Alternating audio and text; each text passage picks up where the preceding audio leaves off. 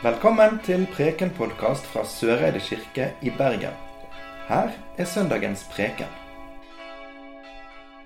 Det står i evangeliet etter Lukas. Jesus sa, en mann hadde to sønner. Den yngste sa til far sin, Far, lat meg få del den delen av formuen som fell på meg. Så skifta han eiendommen sin mellom dem, og ikke mange dagene etter solgte den yngste sønnen alt det han eide, og dro til et land langt borte. Der levde han et vilt liv og sløste bort formuen sin. Da han hadde sett alt over styr, ble det uår og svolt i landet, og han tok til å lia nau.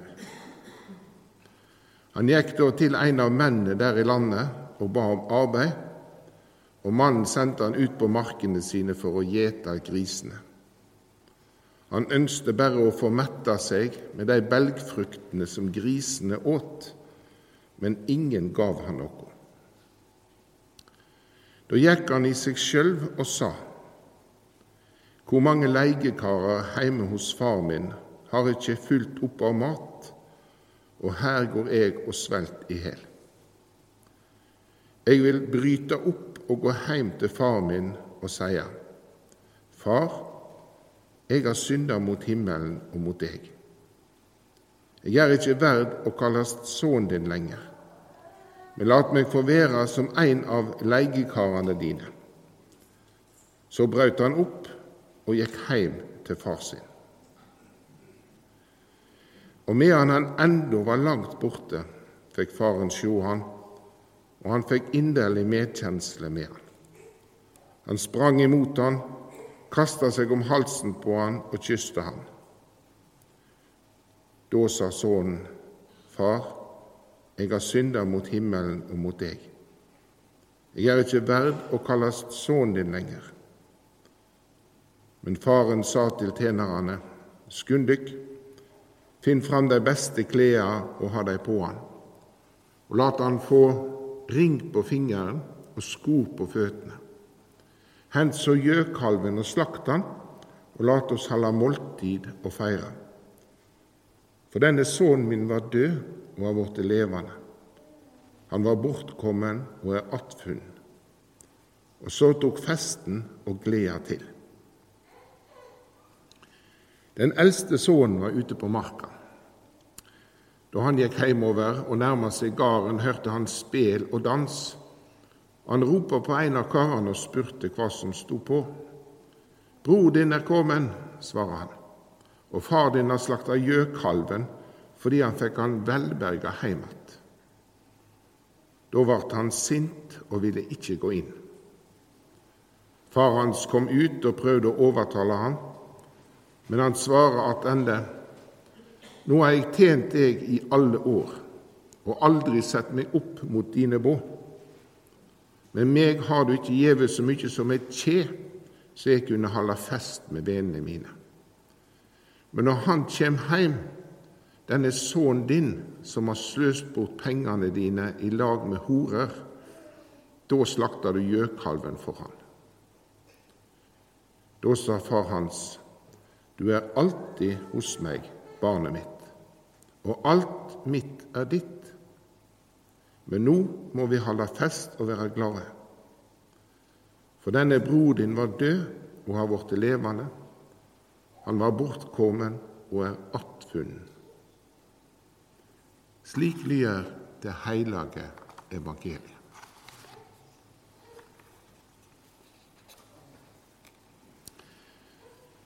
Denne fortellinga om den bortkomne sønnen det var en fortelling mange av oss har hørt mange ganger før. Og Den har inspirert både de som lager filmer og musikk og billedkunstnere opp gjennom historien. Det er en utrolig spennende og fascinerende og flott fortelling. Den har på en måte tre personer, eller tre hovedrolleinnehavere. Det er den yngste sønnen, det er faren og det er den eldste sønnen. Og Jeg tenkte jeg skulle snakke litt om alle de tre rollefigurene i denne fortellingen. Denne sønnen som reiser ut, han opplever altså å ha mye penger, bruker de fort opp, eh, og har på en måte gått i luksusfellen, for å bruke et moderne begrep. Og fornedrelsen hans er jo absolutt total. Å ende opp som grisegjeter, det er det verste som kunne skje. Grisen var regna som et ureint dyr som en ikke skulle ha noe med å gjøre i jødedommen. Og å havne der, det er absolutt bunnpunktet. Og så står det i teksten at han gikk i seg sjøl. Eller han kom til seg sjøl når han var på dette bunnpunktet. Og det var først når alt det andre var revet vekk rundt han, alle pengene var brukt opp, all statusen var vekke, når han var på dette nullpunktet, at han skjønte hvem han sjøl var. Fest og moro og luksus det skaper framandering for hvem en er. Og så når han er på dette nullpunktet og får et møte med seg sjøl, så sier han til seg sjøl jeg har ikke lenger fortjent å være sånn. Og han tar altså med seg denne tanken om det å prestere, om det å få det til, og det å være så perfekt som mulig, det er det som avgjør om du får være sønn eller ikke. Og når jeg satt og leste denne teksten nå i veka, så satt jeg og tenkte på den reklamen som har gått på TV innimellom der de reklamerer for et eller annet, og så sier de 'fordi du fortjener det'. Og så skal de selge deg et eller annet produkt da, som skal gjøre det bra. Men jeg tenker denne måten om å, altså denne tanken om at vi skal prestere, den preger oss i utrolig stor grad. Og ikke bare det at den preger samfunnet vårt, men den eter seg inn i oss som den vi er som mennesker. Og Denne tankegangen den tar vi òg med oss når vi kommer inn i kirkerommet på en gudstjeneste. Og mange oppfatter kristen tru som handler om noen som presterer noe mer moralsk enn andre. Så på et eller annet vis så blir vi altså fanga inn i denne prestasjonsgreina som preger oss så sterkt i arbeidsliv og i samfunnsliv. Og så har vi det med oss inn her i rommet. Og her er det altså kontrastene møter oss totalt. Så vender han sønnen om, da, og så går han hjemover, og så har han en innøvd replikk som han har tenkt på. Der han til, skal si til faren at 'jeg har synda, og jeg er ikke verdig å kalle sønnen din lenger'. Og Så kommer denne faren. Det står at han, kommer, han ser sønnen på lang avstand.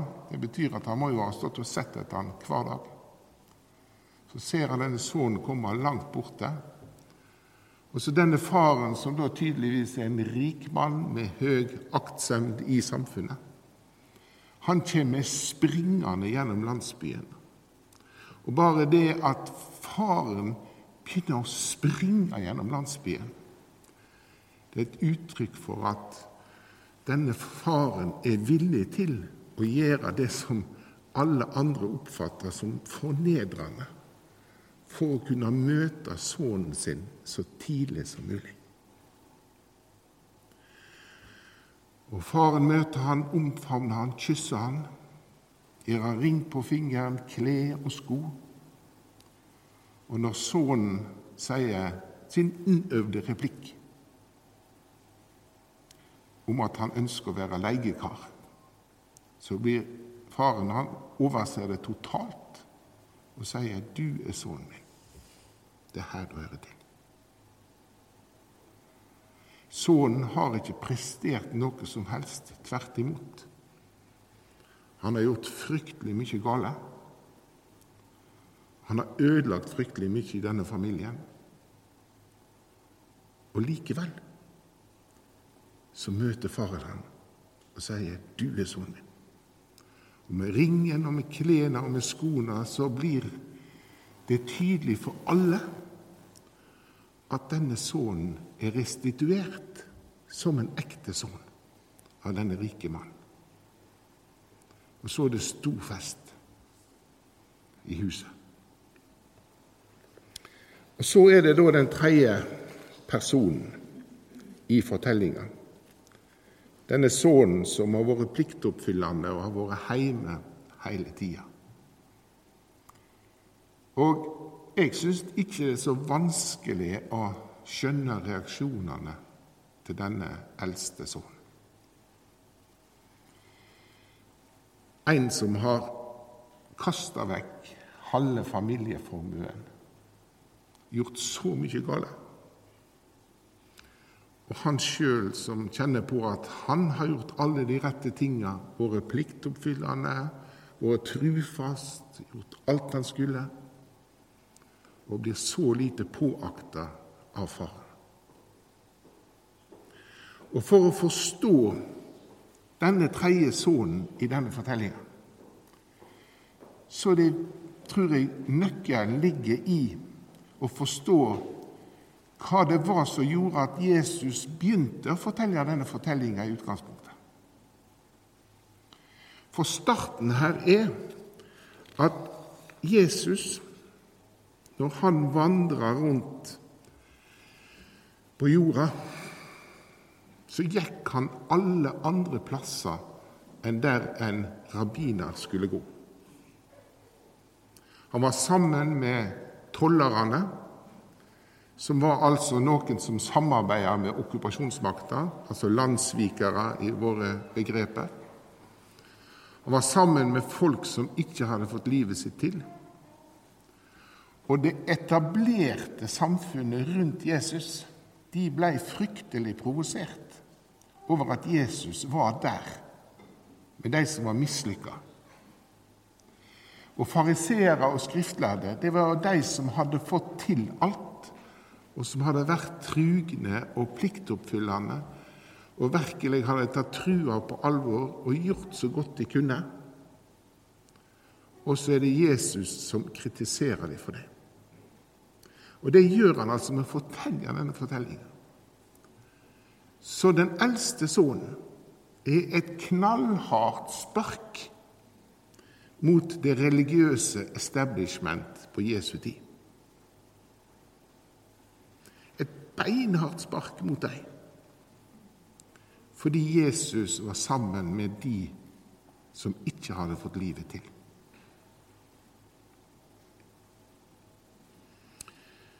Og Så kan vi da spørre hvem er hovedpersonen i denne fortellinga? Fortellinga har blitt kalt, alltid kalt den bortkomne sønnen. Kanskje skulle fortellinga vært to sønner. Men jeg tenker at den mest rette tittelen, eller den mest rette hovedpersonen i denne fortellinga, det er ikke sønnene, men det er far. For det er faren som viser oss noe utrolig viktig om hvem Gud er. Og så tenker jeg i hvert fall jeg for min del. Jeg kan kjenne meg igjen i flere forskjellige Altså i alle disse, i hvert fall to av disse personene, disse to sønnene. Noen ganger så kan jeg kjenne at jeg ikke får livet mitt til. Jeg kan kjenne på skam, på skuld, på alt som jeg ikke har fått til i mitt eget liv. Alt som ikke fungerer. Og jeg kan òg kjenne på den kjensla av at eh, Ja, hvorfor skal nå de bli løfta fram som fantastiske folk, da? Når jeg veit så mye om det livet som de har levd. Den tanken kan òg være der. Men så har du denne faren, som er altså et bilde på hvem Gud er. Og Hvis jeg skulle ha en drøm for Søreide menighet, så var det at det fellesskapet vi har her i menigheten, er et fellesskap som prøver å materialisere denne faren i denne fortellinga. At alle mennesker som kommer inn dørene her, enten de har gått der i 50 år, eller det er første gangen de kommer inn gjennom dørene, så skal de få oppleve et fellesskap der vi møter hverandre helt uten vilkår, helt uten prestasjoner. Et fellesskap der vi er sammen i møte med Guds kjærlighet.